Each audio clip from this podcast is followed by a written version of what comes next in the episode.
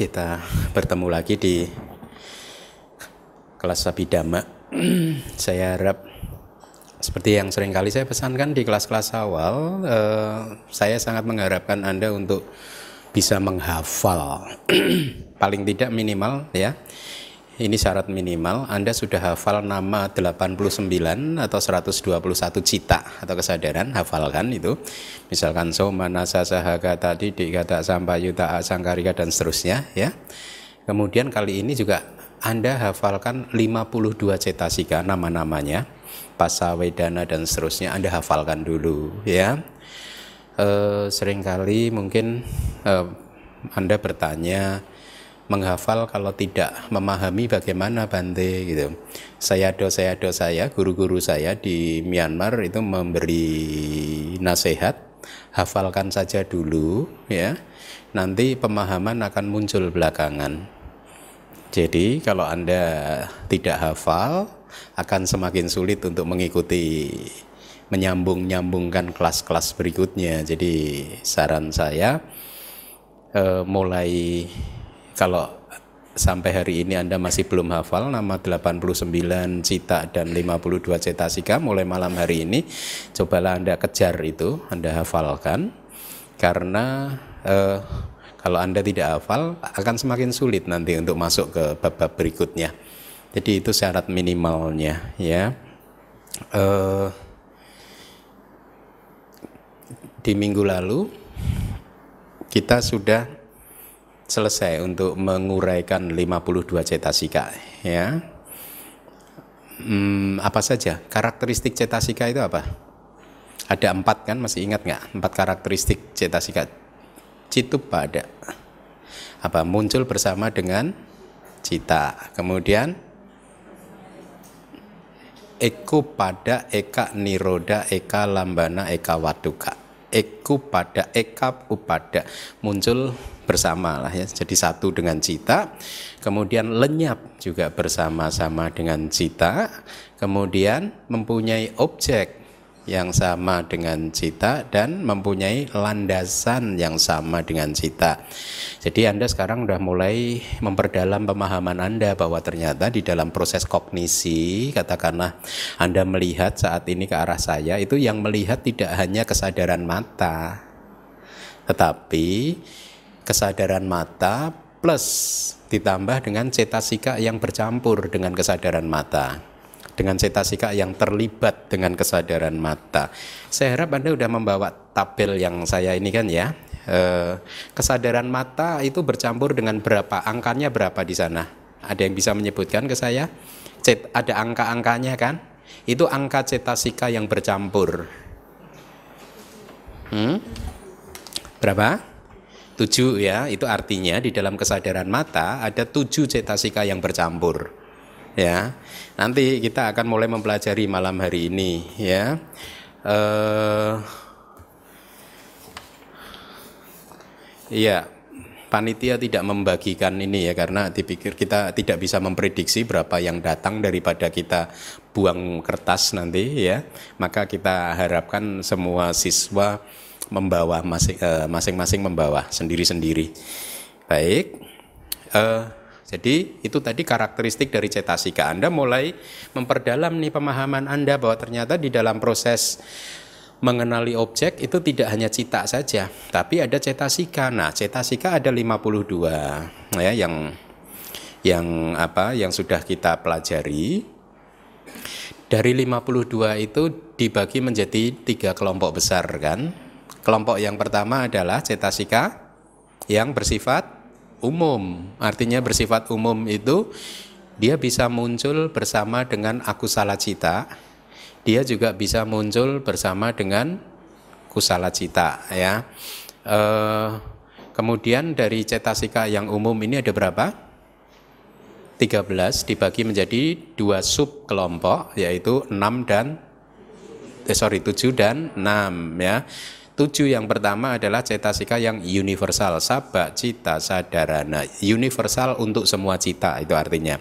Sabak semua, cita kesadaran, sadarana itu seperti universal. Ya, jadi untuk semua cita. Jadi artinya di cita apa pun selalu ada yang tujuh tadi. Ya, jadi kesadaran mata yang angkanya tujuh tadi Anda sekarang sudah bisa menjawab. Tujuh itu adalah tujuh cetasika, sabak, cita, sadarana atau universal untuk semua cita. Yaitu pasa, wedana, sanya, cetana, dan seterusnya. Uh, kelompok yang kedua adalah kelompok yang tidak baik, yang aku salah cetasika. Ada berapa? 14. Kelompok yang ketiga ada 25 yaitu cetasika yang baik. Nah, Anda lihat di tabel yang ini ya. Nanti pelan-pelan akan saya bimbing cara membaca tabel ini. Ini tabel ini saya buat tahun 2006. Time flies ya. Lihat tuh ada kan? Itu waktu saya masih mengajar ke teman-teman saya di Myanmar itu 2006. Saya udah ngajar ini. Tapi ini di, dimodifikasi oleh Pak Pranoto. Terima kasih Pak Pranoto. Tabel saya dulu sederhana tapi kira-kira sama. Anda lihat itu di atas sebelah kiri aku salah cetasika 14, kemudian Anyak Semana 13, Sobana cetasika ada 25 ya. Uh, saya akan uh,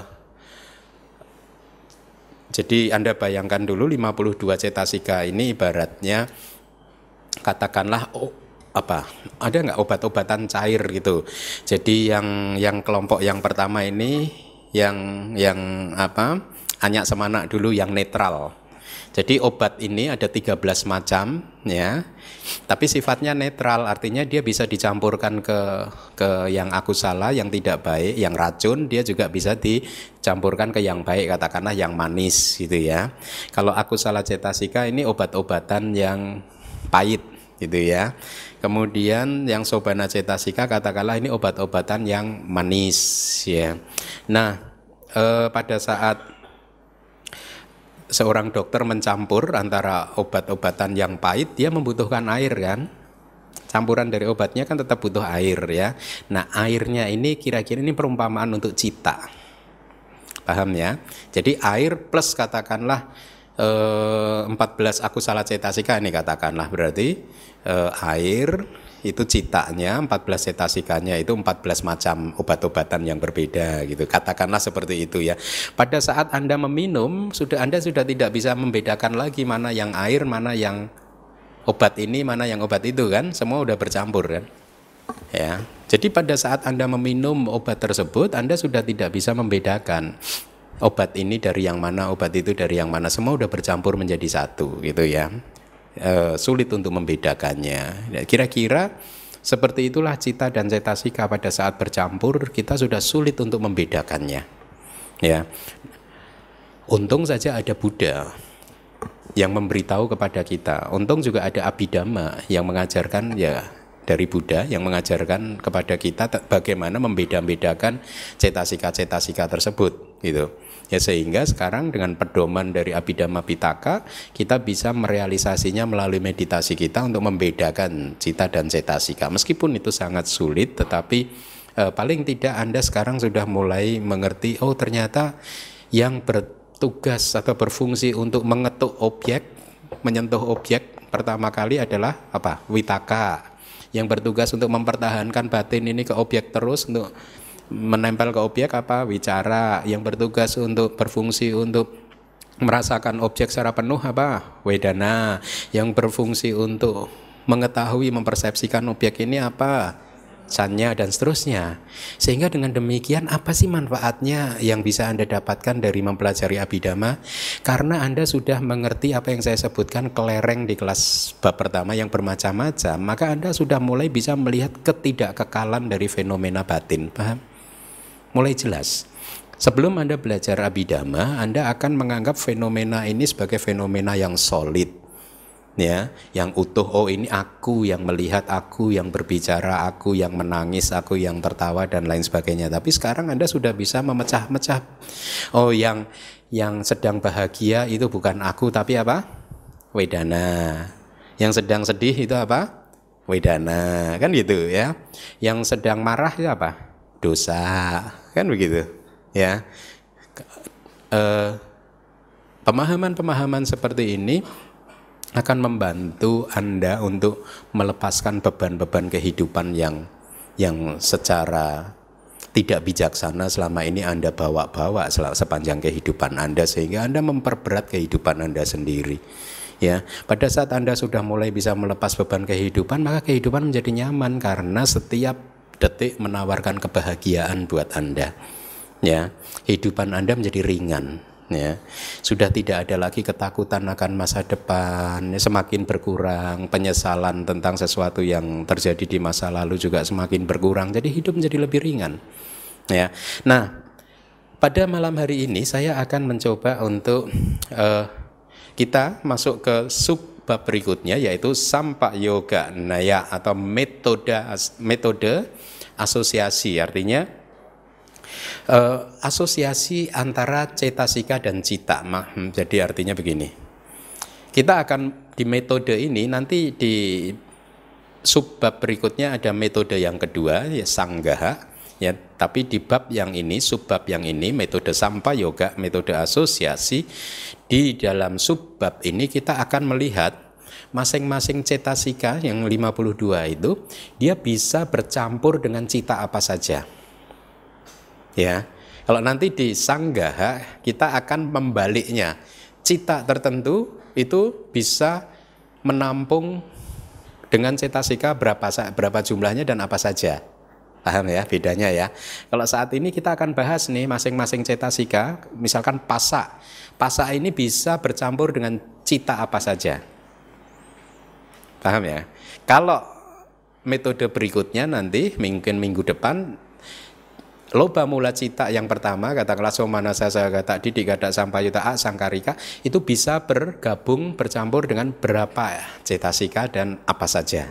Ya jadi bedanya begitu ya inilah mengapa eh, syarat yang saya minta kepada anda adalah hafal nama-nama cita dan cetasika ya eh, anda membawa tabel ini enggak Bawa ya. Bawa ya. Saya minta Anda mari kita kita pelajari dulu tabel ini supaya bisa Anda bisa membayangkan dengan lebih mudah lagi nanti ya pada saat saya menjelaskan. Kalau Anda hitung itu yang paling atas ada delapan kan? Berarti itu adalah delapan loba mula cita. Yang di bawahnya ada berapa? Dua berarti itu dua dosa mula cita. Di bawahnya lagi adalah dua moha mula cita. Di bawahnya lagi yang biru itu tujuh kalau Anda hitung itu adalah aku salawi pakacita. Ya, dari ahituka kan. Kemudian biru yang di tengah ada berapa? Delapan. Anda Anda boleh memberi angkanya di samping mungkin delapan, dua, dua, tujuh, delapan, tiga katakanlah gitu ya supaya membantu Anda untuk menghafal gitu.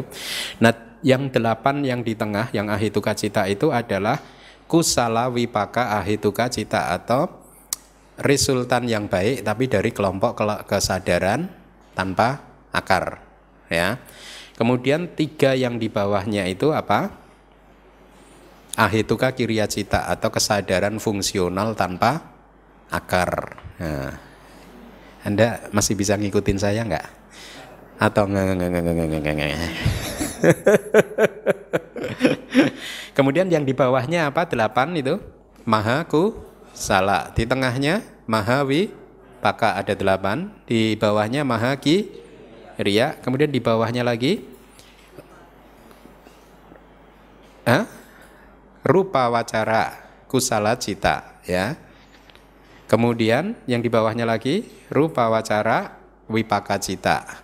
Yang di bawahnya lagi rupa wacara kiriya cita. Yang di bawahnya lagi empat arupa wipa arupa wacara kusala cita. Yang di bawahnya lagi arupa wacara wipaka cita. Yang di bawahnya arupa wacara kirya cita.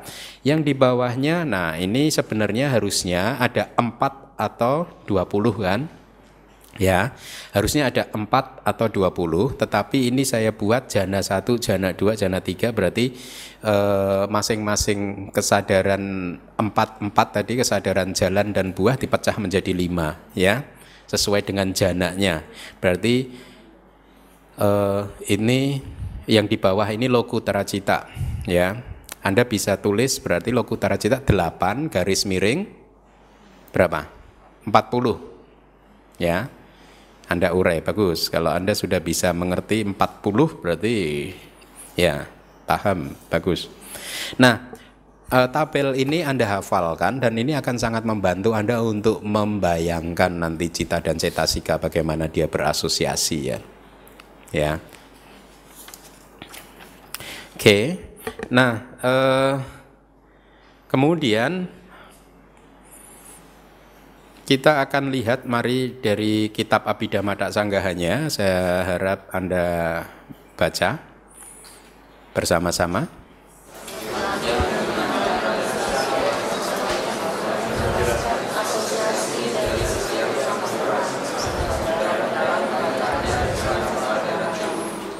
Anda lihat di sini cetasika diberi istilah oleh Acarya Anuruddha berbeda.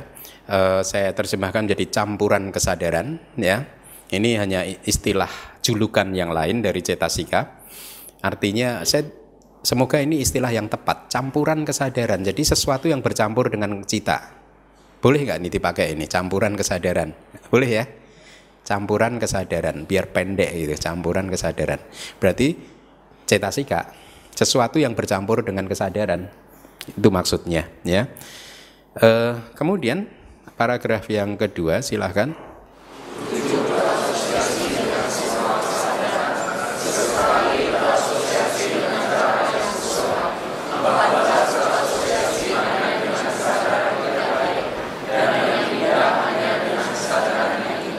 Nah, jadi ini garis besarnya, big picture-nya tujuh cetasika berasosiasi dengan semua kesadaran. Ya ini yang sabak cita sadarana kan.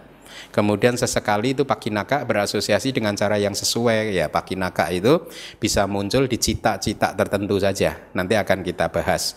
14 berasosiasi hanya dengan kesadaran aku salah. Ini mulai jelas kan? Ya, 14 aku salah cetasika hanya bisa berasosiasi dengan 12 aku salah cita. Ya. Kemudian yang indah 25 hanya dengan kesadaran yang indah. Jadi mulai dilokalisir kan. Cetasika yang indah dia hanya berasosiasi dengan cita yang indah. Dia tidak bisa muncul di aku salah cita. Makanya sekarang Anda jelas, kalau di ceramah saya sering mengatakan, kalau Anda marah terhadap anak Anda, kemudian Anda mengatakan, saya marah ini karena saya itu sayang sama kamu. Benar nggak? Rasa sayang nggak mungkin bisa muncul di dosa mula cita. Nah jadi kalau mama anda nanti ngomong begitu, eh, mama nggak paham abidama kan? paham kan sekarang kan ya? Cinta kasih dan kemarahan adalah dua cetasika yang berbeda, tidak bisa bercampur. Ya, nah. Eh, masih saya harap Anda masih ingat ya apa saja tujuh cetasika yang universal dan seterusnya yang pakinaka yang sesekali hafal ya semua cetasika hafal ya Baik, mari kita lanjutkan. Ini penjelasan dari kitab sub komentarnya Wibawinidika. Faktor mental atau cetasika di sini dikatakan sebagai campuran kesadaran, ya. Uh, uh, cita wiyuta itu bahasa palinya artinya campuran kesadaran yang tidak terpisah dari kesadaran. Tadi saya sebut sampaikan air dan obat-obatan yang dicampur tadi atau contohnya ini saja. Ini air dan apa ini yang merah ini? Sudah tidak bisa dibedakan mana air, mana apa sih semangka ya? Anda bisa membedakan? Nggak bisa kan? Sudah bercampur. Cita dan cetasika ini seperti ini kira-kira, ya. Uh, selanjutnya, ini masih dari Abhidhamma Sanggahanya, silahkan dibaca. Bagaimana caranya gitu maksudnya? Bagaimana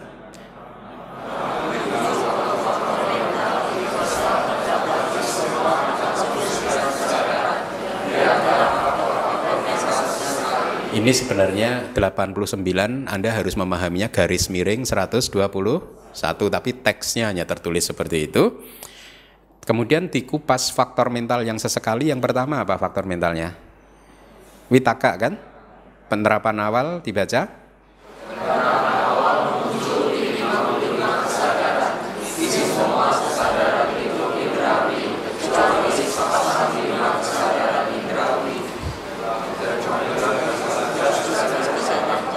Hmm.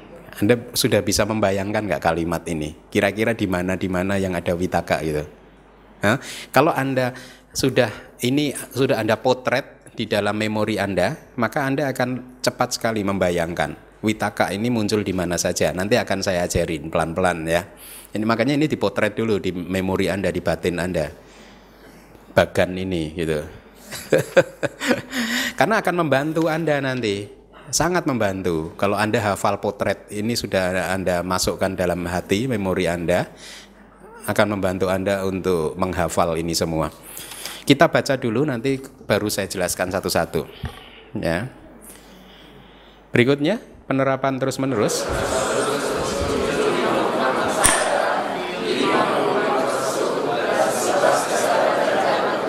Artinya 55 tersebut di atas tadi ya. Kemudian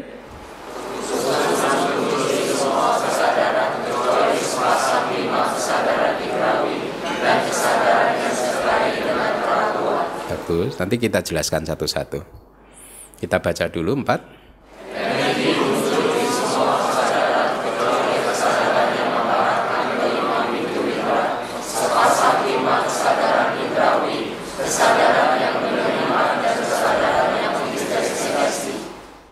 Nomor lima.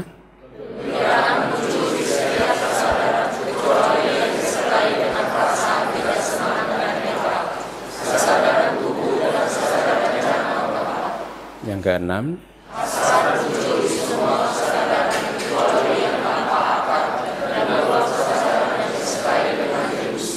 Bagus. Ya, ini bahasa palinya uh, masih Abhidhamma Sanggaha dibaca lagi.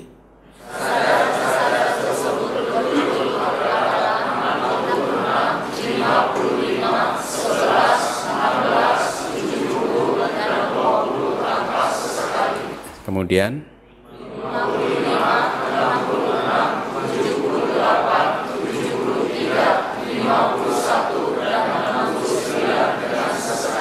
Baik, mari kita analisa sekarang.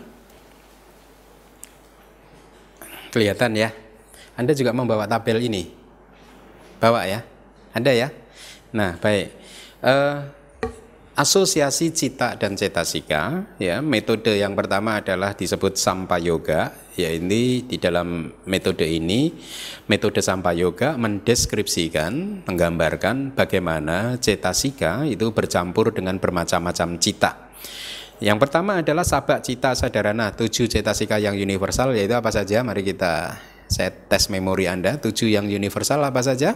Pasa wedana sanya cetana, ekagata, jiwitindriya, manasikara. Ketujuh cetasika tersebut bercampur dengan yang sebelah kanannya Anda baca itu 89 atau 121. Jadi artinya setiap cita yang muncul selalu ada yang tujuh tadi.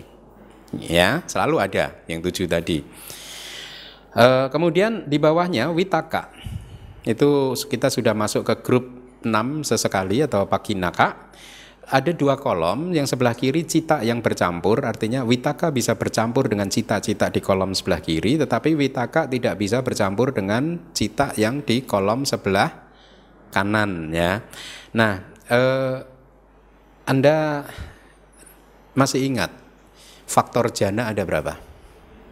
Lima kan? Salah satunya apa? Yang pertama apa? witaka. Jadi kalau karena kita sedang berbicara dengan witaka yang bisa menjadi faktor jana, maka cita yang kita analisa adalah bukan yang 89 cita, tetapi yang 121. Masih ingat ya? Kenapa bisa muncul 121? Karena maga cita dan pala cita dianalisa sesuai dengan jananya masing-masing kan begitu kan?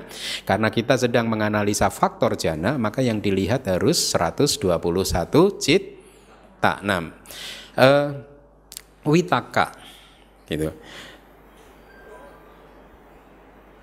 uh, di kelas yang lalu masih ingat fungsinya apa witaka itu mengetuk objek kan ya yang mengarahkan batin kemudian bisa menempel ke objek kan. Kemudian wicara kan yang mempertahankan atau witaka itu kalau bahasa suta itu sesuatu yang batin yang memikirkan secara mendalam.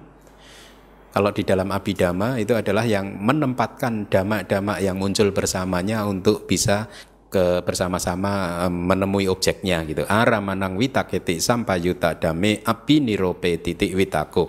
Jadi memikirkan secara mendalam, menempatkan dama-dama yang muncul bersamanya ke objek. Dama-dama yang muncul bersamanya ke objek artinya apa? Cita yang muncul bersamanya dan juga cetasika lain yang muncul bersamanya ya. Jadi karena ada witaka maka batin kita bisa menempel ke objek.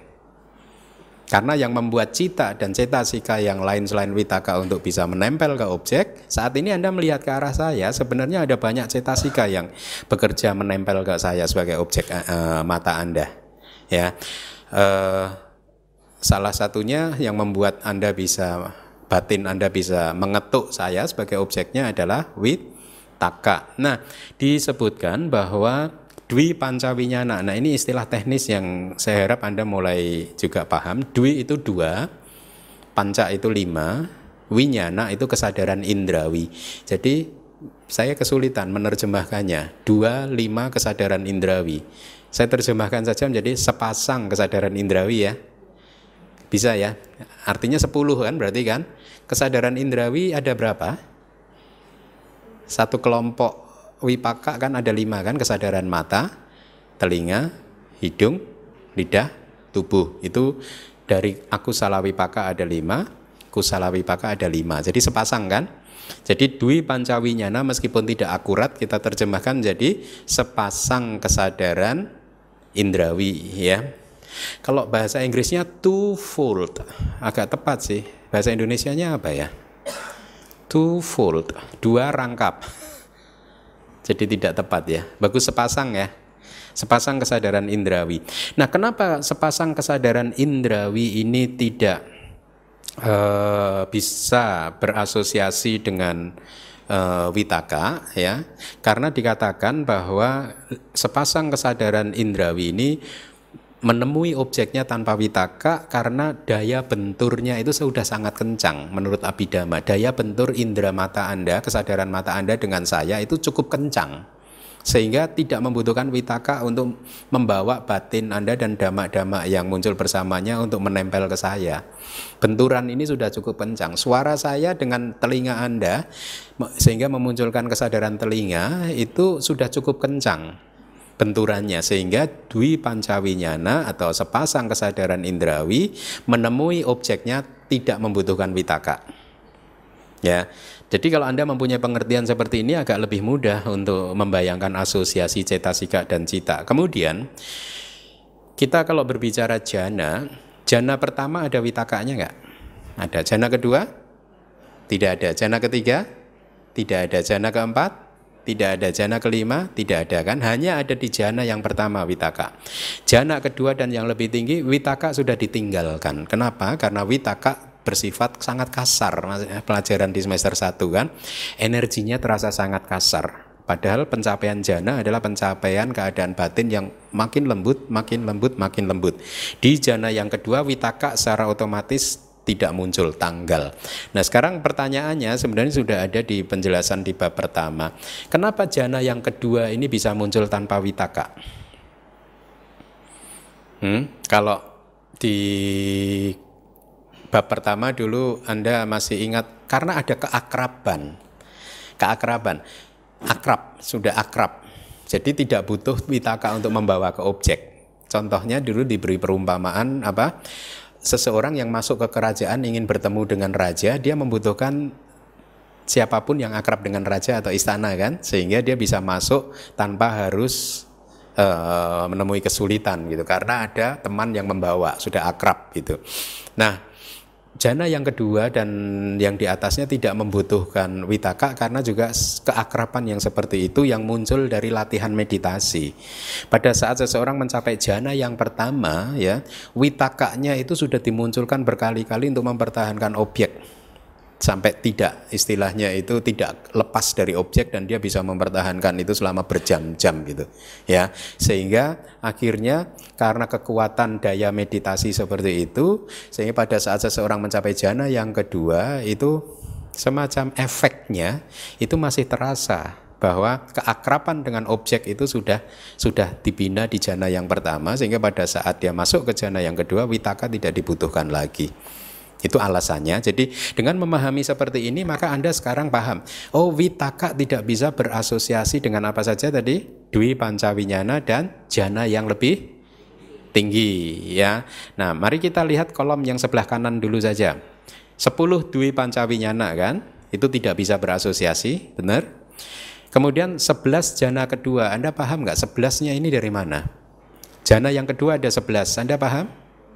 Hmm? Kalau Anda memahami ini, maka Anda bisa membayangkan rupa wacara cita ada berapa jana? Satu. Jana kedua, maaf. Tiga. Betul? Kusala, Wipaka, dan Kirya. Kemudian dari Maga Cita dan Pala Cita ada berapa jana satu? Hmm? Mama, mama, mama. Kira-kira kalau saya jawab sendiri aja gimana? Boleh? So tapati magacita ada satu jana dua kan? Betul? Sakadagami magacita ada jana satu berapa satu? Anagami magacita satu lagi. Kemudian arahata magacita satu dari jadi dari magacita ada berapa jana kedua? Empat. Pala cita juga sama kan? Empat kan? Berarti empat plus empat berapa anak-anak? Tuh pinter buktinya bisa.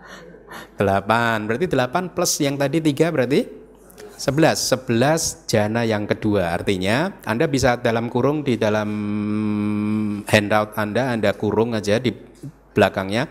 Kurung tiga lokia jana atau jana duniawi tiga plus delapan lokutara jana atau delapan jana adi duniawi kan? Paham ya? Berarti jana yang ketiga juga dipahami dengan cara yang sama. Bisa?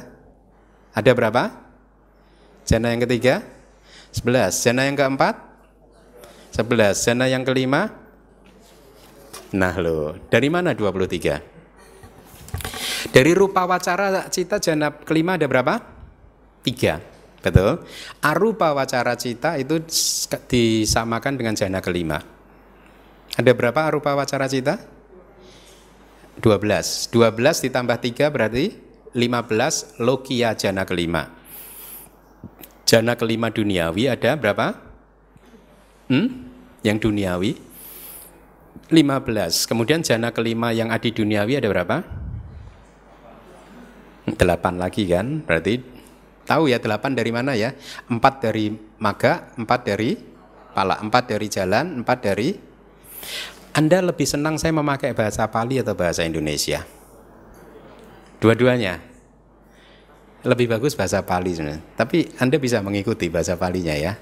Maga atau jalan, pala atau buah. Ya, bagus. Nah, jadi itu cita yang tidak bisa bercampur ada berapa? 66. Tinggal kalau Anda udah paham ini, Anda sudah bisa membayangkan nih, misalkan saya ini ya. Sekarang saya udah paham ini. Sekarang saya loba mula cita 8 ada witakanya enggak? Hmm? Ada. Dosa mula ada. Moha mula? Ada. Kemudian dari ahituka cita yang ada witakanya berapa? Hmm? Ada 18 tanpa akar kan? Yang bisa muncul dengan witaka ada berapa dari 18 itu?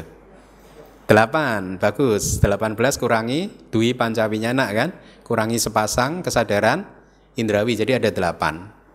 Benar ya? Kemudian mahakusala bisa nggak? Bisa. Mahawipaka? Bisa. Mahakiriya? Bisa kan?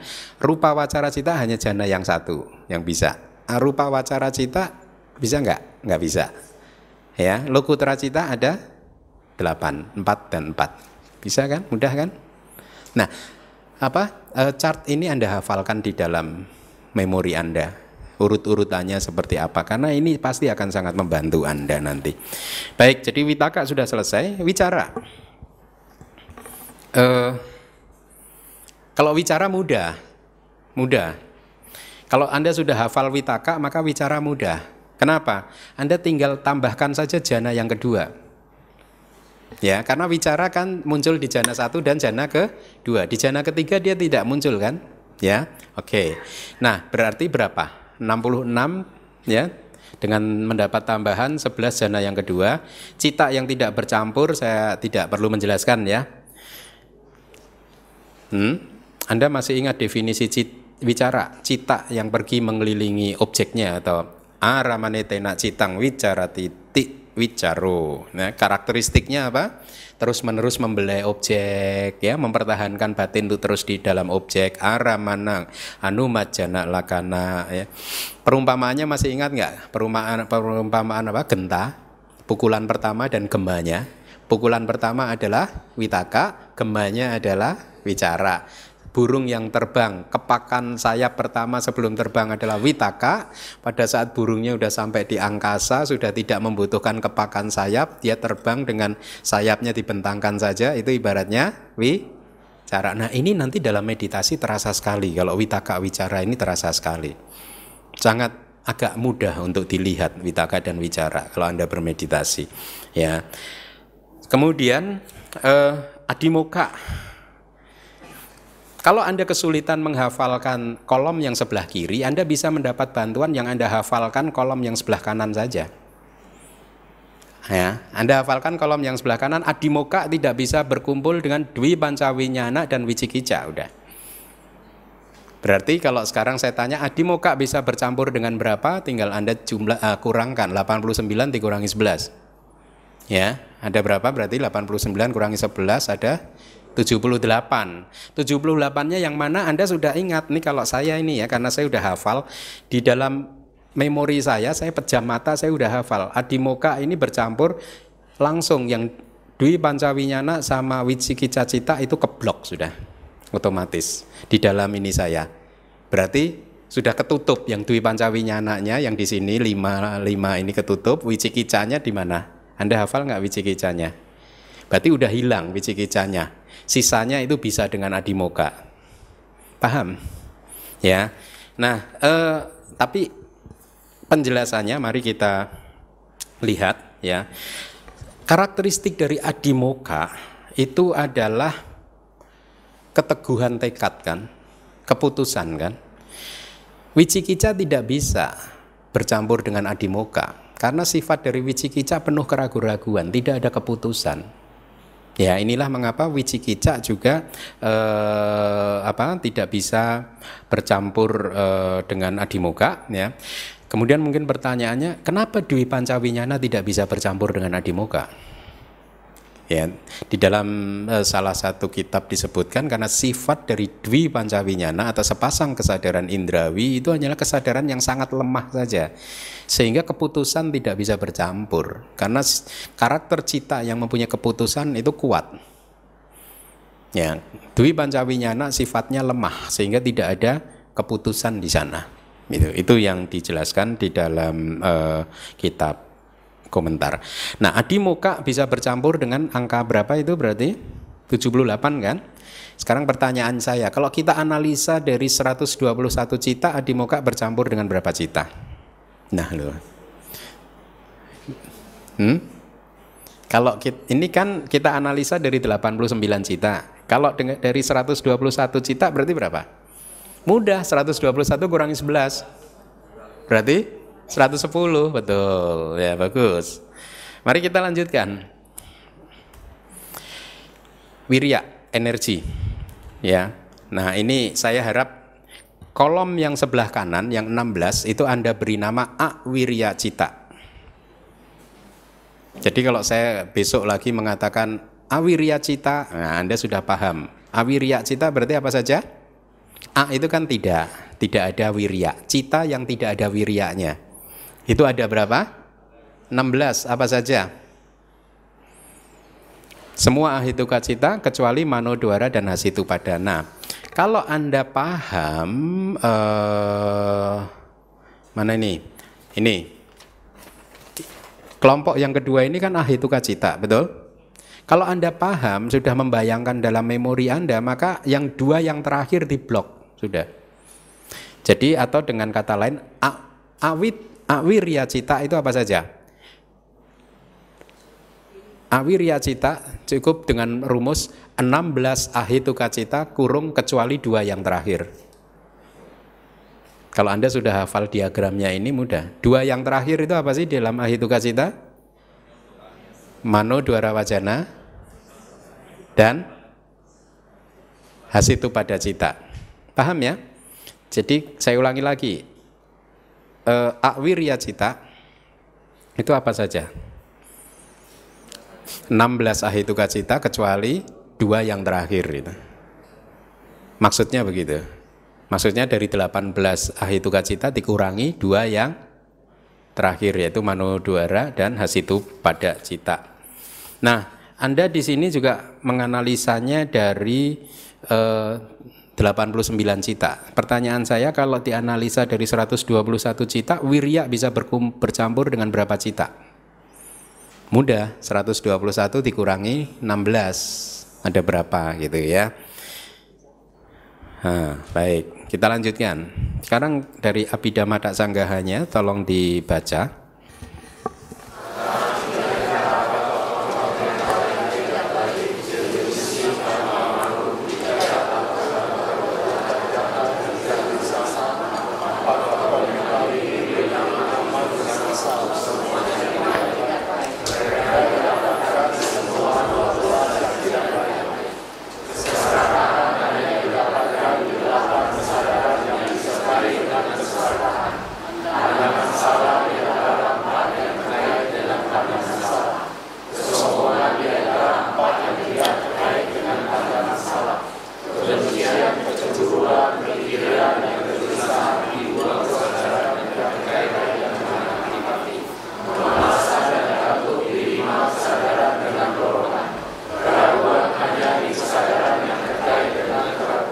Ya, saya belum mengkoreksi tadi diingatkan oleh Aling itu harusnya kebencian, kecemburuan, kekikiran dan penyesalan kan?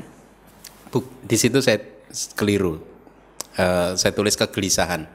Harusnya penyesalan. Dosa, isa, macarya, kukuca. Kukuca adalah penyesalan. Jadi itu diganti ya, bukan kegelisahan tapi penyesalan. Nah, di antara faktor mental yang tidak baik itu eh, delusi tanpa malu, tidak takut akan perbuatan jahat dan kegelisahan. Ya, empat faktor mental ini disebut atau diberi nama universal untuk semua yang tidak baik.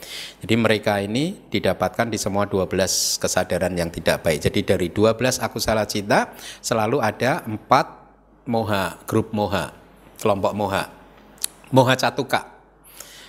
Empat kelompok yang dimulai dengan moha kan? Gitu ya. Apa saja? Moha mama mama mama mama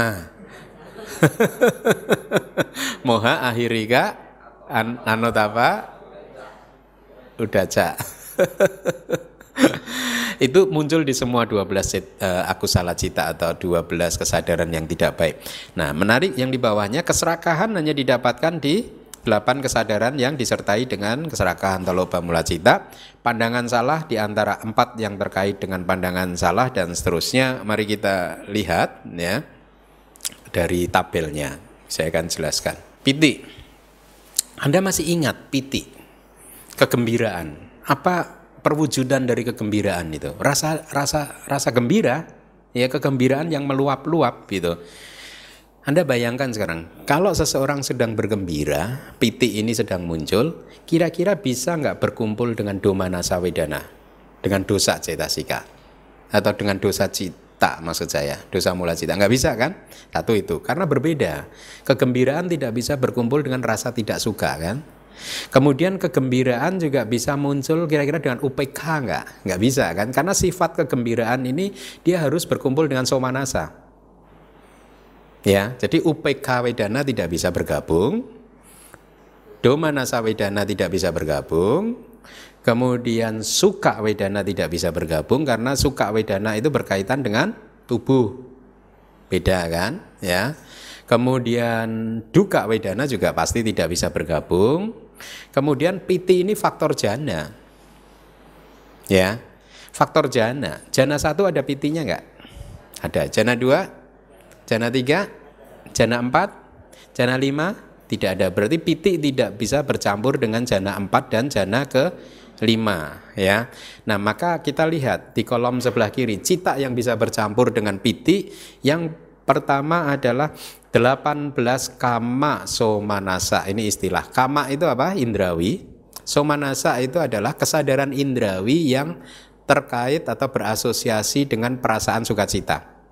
Ada 18, mana saja? Mari kita hitung satu-satu. Dari loba mula cita ada nggak? Empat. Bagus. Dari dosa mula cita? Nggak ada. Moha mula cita? Nggak ada. Dari ahituka cita ada berapa? Yang bisa berasosiasi dengan piti? Hmm?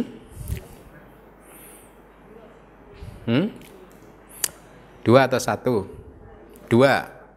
Somanasa Santirana dan Hasitupada. Betul, berarti berapa? Empat tambah dua ada enam. Kita hitung ya. Kemudian Mahakusala ada berapa? Empat. Betul kan? Empat, empat, empat. Berarti enam tambah dua belas ada berapa? Delapan belas. Ya, ya, ketemu kan? Kama Somanasa udah kan? Paham? Paham atau Anda Anda catat dulu apa istilah kama somanasa. Kama itu yang berkaitan dengan indrawi. Jadi ini adalah istilah untuk kesadaran yang ada di lingkup indrawi tetapi dengan wedananya somanasa saja. Kita ulangi lagi ya 18. Loba mula cita somanasanya ada berapa? 4 dosa mula tidak ada moha mula ahituka cita dua enam kan terus kam uh, mahakusala empat empat empat mahawipaka empat mahakirya empat berarti enam plus dua belas delapan belas ketemu kan itu istilahnya kama somanasa ya jadi Inilah beginilah abidama. Itu yang saya katakan jigsaw puzzle. Saya do saya do di Myanmar mengatakan jigsaw puzzle. Semakin Anda masuk ke bab yang berikutnya, pemahaman Anda akan berkembang. Akan mulai terkait, terkait, terkait, terkait, terkait, ya. Mari kita lihat piti untuk berikutnya bisa bercampur dengan jana yang pertama, jana yang kedua, jana yang ketiga. Berarti ada 51 ya. Kemudian Anda juga harus tahu nih cita yang tidak bercampur gitu. Ada yang bisa menjawab ke saya, kenapa yang di bawah sendiri itu hanya jana keempat kok tidak ada jana kelimanya? Padahal jana kelima kan tidak bercampur dengan piti. Ada yang bisa menjawab? Nanti kalau bisa kabarin saya ya. Saya, saya istirahat dulu sebentar. ada?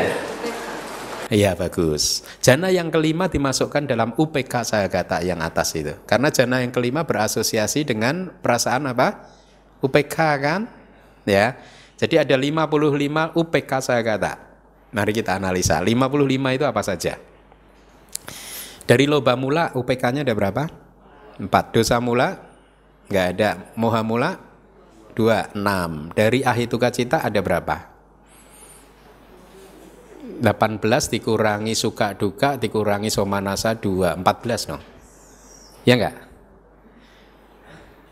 kan ada 18 dikurangi suka dan duka dikurangi somanasanya 2 kan santirana dan itu pada betul 18 kurangi 4 kan? Betul ya? Berarti ada berapa? 18 kurang 4 berapa? Oh tahu ya ternyata ya. Hebat loh, pinter juga loh. Kalau kurang-kurangan. Kalau suruh ngurangin pinter, ngurangin jatah orang.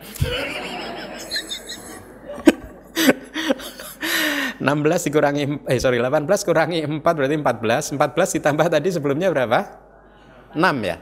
20 berarti ya 20 oke dibantu. 20 kemudian dari kama wacara sobana ada berapa? 24 itu ada separohnya UPK kan? 12 berarti 32 kan? 32 oke 32 kemudian jana 1 jana 2 jana 3 kan enggak? Jana kelima ada berapa? Yang logia. 3 ditambah 12 berarti 15 kan? Tiga jana kelima yang rupa wacara kan tiga Arupa wacara 12 itu semuanya jana kelima. Paham? 12 ditambah 3 berarti 15 ditambah tadi berapa? 30? 2 berarti 40? 7, 47 kan. Kemudian dari Lokutra ada berapa yang UPK? Hmm? Ada 8. Eh? Bener ya? Ada 8. 47 tambah 8 berapa? Ketemu kan 55 kan?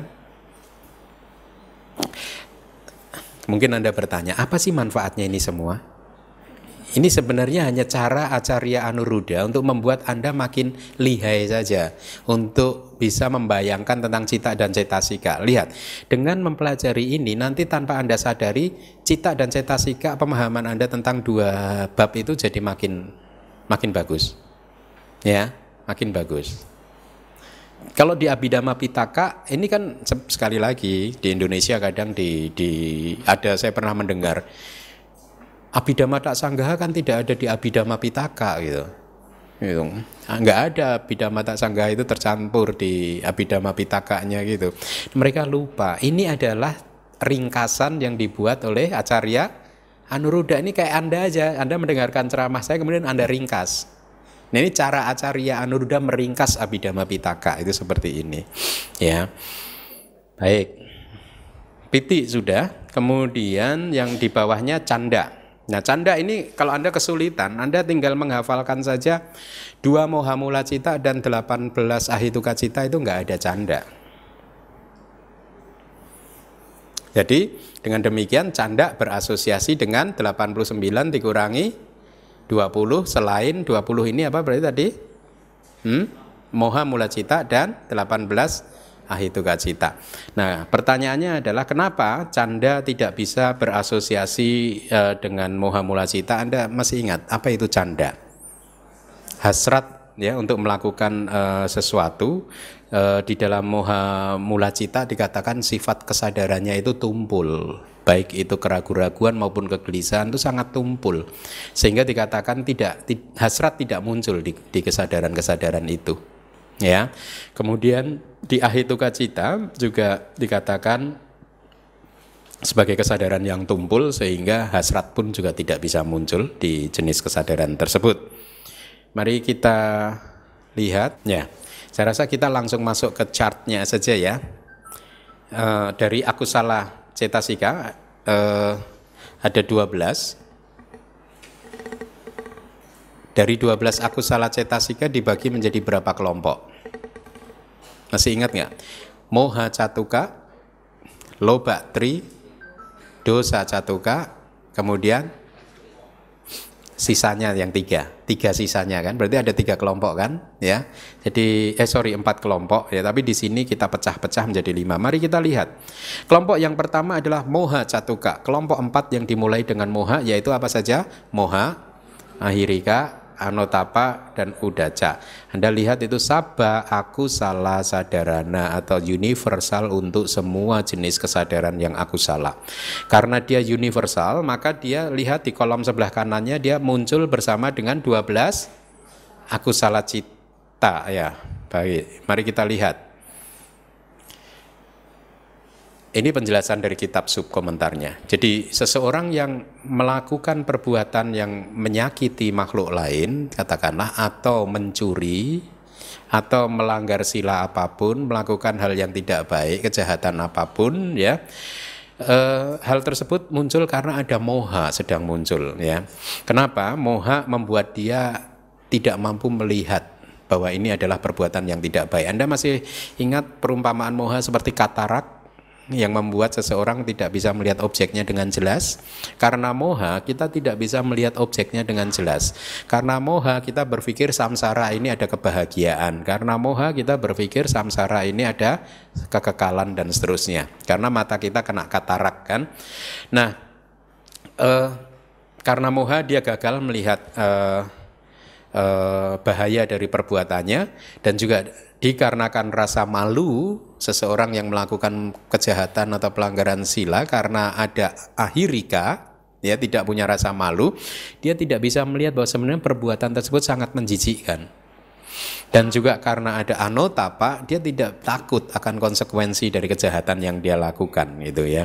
Nah eh, Kemudian dikarenakan ada kegelisahan maka batin dia tidak tenang. Jadi dikatakan kalau seseorang yang sedang melakukan kejahatan itu batinnya sedang bergejolak. Dia tidak tenang, tidak bisa melihat sesuatu dengan uh, jernih gitu. Nah, demikianlah maka empat faktor mental tadi moha ahirika anotapa dan udaca itu ditemukan di setiap kesadaran yang tidak baik ya. Itu mari kita kembali lagi Kelompok yang kedua, loba tiga, apa saja loba titik mana? Loba cetasika selalu muncul di delapan loba mula cita itu maksudnya ya. Jadi setiap kali ada loba mula cita, di sana ada loba cetasika. Karena ini adalah akarnya dari kesadaran tersebut. Didik pandangan salah itu saya beri kurung itu di draft yang saya bagikan belum ada kurungnya selalu. Artinya apa? Didik selalu muncul di empat kesadaran didik gadak sampai yuta cita atau empat kesadaran yang terkait dengan pandangan salah. Dia selalu ada. Selalu ada cetasika didiknya. Mana kesombongan itu Anda lihat saya beri tambahan kadang-kadang dia kalau muncul, dia munculnya di empat titik kata wipayuta cita atau empat kesadaran yang tidak terkait dengan pandangan salah. Mana kesombongan itu, ya. Tetapi dia tidak selalu muncul, artinya pada saat didik kata wipayuta cita atau kesadaran yang tidak terkait dengan pandangan salah muncul, belum tentu kesombongan muncul. Belum tentu. Dia hanya dalam kasus-kasus tertentu saja, misalkan seseorang sedang uh, seorang anak kecil mencuri gitu ya e, pada saat itu dia tahu bahwa mencuri itu tidak baik ya tapi dia tetap saja mencuri. Maka pada saat itu yang muncul adalah didik kata wibayu tak cita kesadaran yang tidak terkait dengan pandangan salah tidak ada pandangan salah tapi kesombongan juga tidak muncul. Karena dia tidak sedang sombong kan? Itu yang dimaksud. E, mari kita lihat. Pandangan salah hanya diketemukan di kesadaran yang berakar pada keserakahan karena keyakinan seseorang tentang adanya diri ini kan pandangan salah ya. Keyakinan akan adanya saya identitas diri saya ya. Adanya aku. Ini kan bentuk perwujudan dari pandangan salah gitu. Jadi itu penjelasannya lihat keyakinan seseorang tentang adanya diri dan lain-lain artinya keyakinan seseorang tentang adanya satu kekekalan, makhluk yang kekal dan lain sebagainya itu muncul karena adanya pemahaman adanya sesuatu yang menjadi milikku. Ya. Milikku ini adalah apa? ciri dari keserakahan kan? Paham nggak maksudnya kalimat ini dari kitab sub komentar bahwa pandangan salah kenapa munculnya dengan loba mula cita? Karena pandangan salah muncul dari sesuatu pemahaman ada sesuatu yang disebut milikku. Ya, yaitu si diri atau si aku tadi ini adalah sesuatu yang menjadi milikku. Nah, sesuatu yang menjadi milikku, sifat untuk memiliki sesuatu seperti ini disebutkan ini sebagai ciri dari keserakahan ya. Kesombongan muncul dalam bentuk aku ya menyombongkan diri, membandingkan diri sendiri dengan orang lain, seperti bendera yang berkibar-kibar, menganggap diri sendiri lebih tinggi atau bahkan sederajat atau bahkan lebih rendah, tetapi masih juga ada kesombongannya dan bisa kita katakan kesombongan tidak bisa muncul bersama dengan pandangan salah. Jadi didik dan mana dia tidak bisa muncul bersama-sama. Kenapa? Karena sifatnya berbeda. Pandangan salah itu sifatnya adalah kekeliruan menge mengevaluasi objek atau kekeliruan mengevaluasi pancakanda dianggap ada wujud yang kekal yang disebut diri atau ada sesuatu yang disebut menjadi miliknya si, si aku ini tadi milik saya. Sementara kesombongan itu sifat atau objeknya tidak seperti itu. Objeknya adalah menonjolkan diri sendiri. Jadi beda kan? Pandangan salah dan kesombongan beda. Objeknya beda oleh karena itu dia tidak bisa muncul bersama-sama seperti halnya dua ekor singa tidak bisa hidup bersama di dalam satu gua. Maka didik dan mana pandangan salah dan kesombongan kalaupun muncul dia terpisah gitu. Juga tidak bisa muncul bersama dengan kesadaran yang berakar pada kebencian karena kesombongan selalu berlandaskan pada keserakahan, yaitu pada rasa sayang kepada diri sendiri. Benar nggak? Hmm? Kalau kesombongan kita sedang muncul, sebenarnya sedang, sedikit banyak ada rasa sayang terhadap diri kita sendiri yang berlebihan kan? Narsis. ya.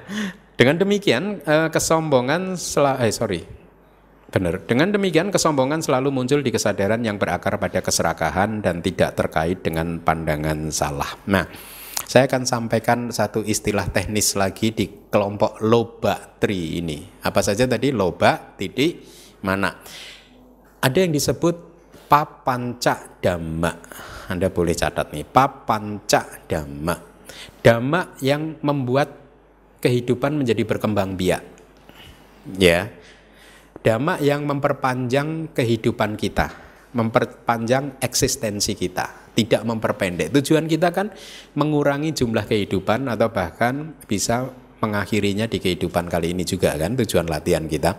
Tapi ada dhamma-dhamma tertentu yang akan memperpanjang keberadaan kita di dalam samsara. Artinya memperpanjang jumlah kelahiran. Papan cak dhamma itu ada tiga, yaitu tanha, nafsu keinginan, mana, kesombongan, didik, pandangan salah. Tanha, nafsu keinginan tuh kalau kita analisa dari kacamata abidama adalah cetasika loba. Berarti loba, mana, titik. Kalau dikelompokkan oleh Acarya Anuruddha menjadi sedikit berbeda. Loba, titik, mana. Jadi kelompok loba tiga ini adalah papancak dhamma yang memperpanjang kehidupan, membuat kita terlahir lagi, terlahir lagi, terlahir lagi, gitu ya. Nah, eh, Tanha mana titik? Kalau di dalam suta kan Buddha berkata etang mama eso hamasmi eso meata etang mama ini adalah milikku. Eso hamasmi ini adalah aku. Eso meata ini adalah diriku. Gitu. ini adalah milikku adalah perwujudan dari keserakahan ya. Ini adalah aku perwujudan dari kesombongan. Ini adalah diriku pandangan salah karena tidak ada diri kan. Ya, itu bahasa di dalam suta. Nah, Buddha juga memberikan antidot cara atau penawar untuk mengalahkan uh, loba mana titik itu apa? Dengan keserakahan bisa dikalahkan dengan perenungan terhadap bahwa segala sesuatu itu sesungguhnya hanyalah penderitaan. Kalau Anda sudah memahami bahwa segala sesuatu penderitaan, apakah Anda masih serakah, menginginkannya lagi dan lagi? Itu kemudian eh, kesombongan itu bisa dikalahkan dengan terus-menerus melakukan perenungan tentang anicca. Hmm. Kalau Anda tahu bahwa segala sesuatu anicca, lalu apa yang kita sombongkan? Kemudian yang ketiga, lo tanha mana jadi pandangan salah bisa dikalahkan atau dikurangi dengan terus-menerus merenungkan tentang anatta. Ya. Nah, baik, mari kita kembali lagi. Hmm. Tadi kelompok loba, sekarang kita masuk ke kelompok dosa ya. Ada dosa catuka, ada empat, dosa Isa, Macaria dan Kukuca ya. Uh, dia selalu kelompok empat ini selalu muncul dengan dosa mula cita. Tetapi cetasika dosa itu selalu muncul bersama dengan dosa mula cita. Kalau ada dosa mula cita, selalu ada dosa cetasika. Tetapi Isa, Macaria, dan Kukuca, dia kalau muncul bersama dengan dosa mula cita, tetapi kadang-kadang dan terpisah. Artinya tidak bisa muncul barengan, satu-satu. Kenapa? Karena obyeknya berbeda. Anda bayangkan, Isa. Isa itu adalah kecemburuan. Obyeknya kecemburuan apa? Orang lain sukses, kita iri hati, cemburu. Kan gitu. Melihat kesuksesan orang lain. Macaria, objek dari macaria apa? Kesuksesan diri kita sendiri kan, kita tidak mau berbagi kan? Ya, e, tidak mau orang lain juga sesukses kita dan lain sebagainya. Kan begitu. Tapi objeknya adalah kesuksesan diri kita sendiri. Kalau anda merasa ganteng ya anda nggak pengen laki-laki seluruh dunia ini ganteng. Itu macaria kalau anda merasa cantik anda nggak pengen perempuan di seluruh dunia cantik secantik anda. Ya. Jadi diri anda yang menjadi objek. Kalau Isa tadi yang menjadi objek orang lain ya. Jadi beda objeknya beda kan? Kemudian kukucak objeknya apa perbuatan salah yang sudah dilakukan di masa lalu atau perbuatan baik yang gagal kita lakukan di masa lalu? Objeknya. Jadi beda. Makanya Isa, Macaria dan Kukuca tidak bisa muncul bersama sama. Tapi kalau mereka muncul mereka munculnya di mana? Dosa mula cita. Ya itu yang dimaksud. Mari kita lihat penjelasannya. Nih Penjelasannya ini. Untuk seseorang yang iri hati terhadap kesuksesan orang lain, untuk seseorang yang tidak ingin berbagi keberhasilannya kepada orang lain, dan untuk seseorang yang sedih menyesali perbuatan jahat yang telah dilakukan dan perbuatan baik yang belum dilakukan, yaitu Isa, Macaria, dan Guguca, muncul hanya di kesadaran yang berakar pada kebencian, dosa mula cita dalam bentuk perang melawan objeknya masing-masing. Lihat, perilaku batinnya selalu perang ingin menghancurkan karena ada apa? Patiga, antipatinya kan ada kan? Ya. Anda masih ingat nggak namanya apa nama dari kesadaran dosa mula cita yang pertama? Mari disebutkan. Domana sasaha kata patiga sampayuta asangka. Lihat ada patiga, antipati. Antipati itu adalah perilaku batin yang seolah-olah ingin menghancurkan objeknya. Patiga, ingin memukul objek. Kalau ada Anda sedang muncul iri hati Anda dan Anda melihat orang lain lebih sukses dari Anda, lihat Anda ingin mukul dia kan. Meskipun secara mental. Paham? Ada perasaan yang ingin memukul objeknya. Paham ya? Di sini disebutkan perang melawan objeknya masing-masing.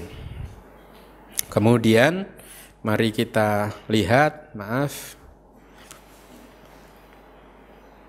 Kelompok yang keempat tina dan mida. Ya. Kalaupun dia muncul kelambanan dan rasa kantuk itu muncul di lima akusala sak sangkarika cita apa saja itu? Mari kita lihat lima kesadaran tidak baik tetapi yang dengan dorongan apa saja? Dari loba mula cita ada berapa?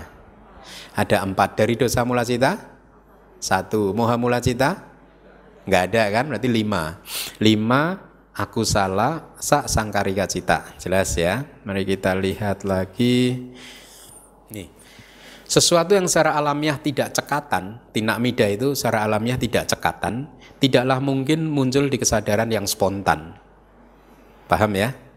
Atau tanpa dorongan. Yang secara alamiah itu senantiasa cekatan gitu. paham ya? Itu penjelasannya Mari kita lihat.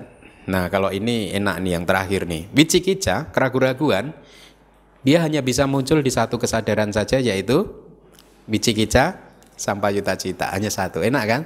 Kalau nanti ujian mudah-mudahan soal ini keluar ya. ya, jadi eh, penjelasannya tadi ya Keraguan hanya ditemukan di kesadaran yang disertai dengan keraguan. Saya rasa itu uh, ya di kesadaran yang lain tidak bisa muncul. Hanya di wicikicak sampayuta di mohamula cita. Cetasika wicikica itu muncul. Baik, dengan demikian maka selesailah kelas kita malam hari ini. Terima kasih.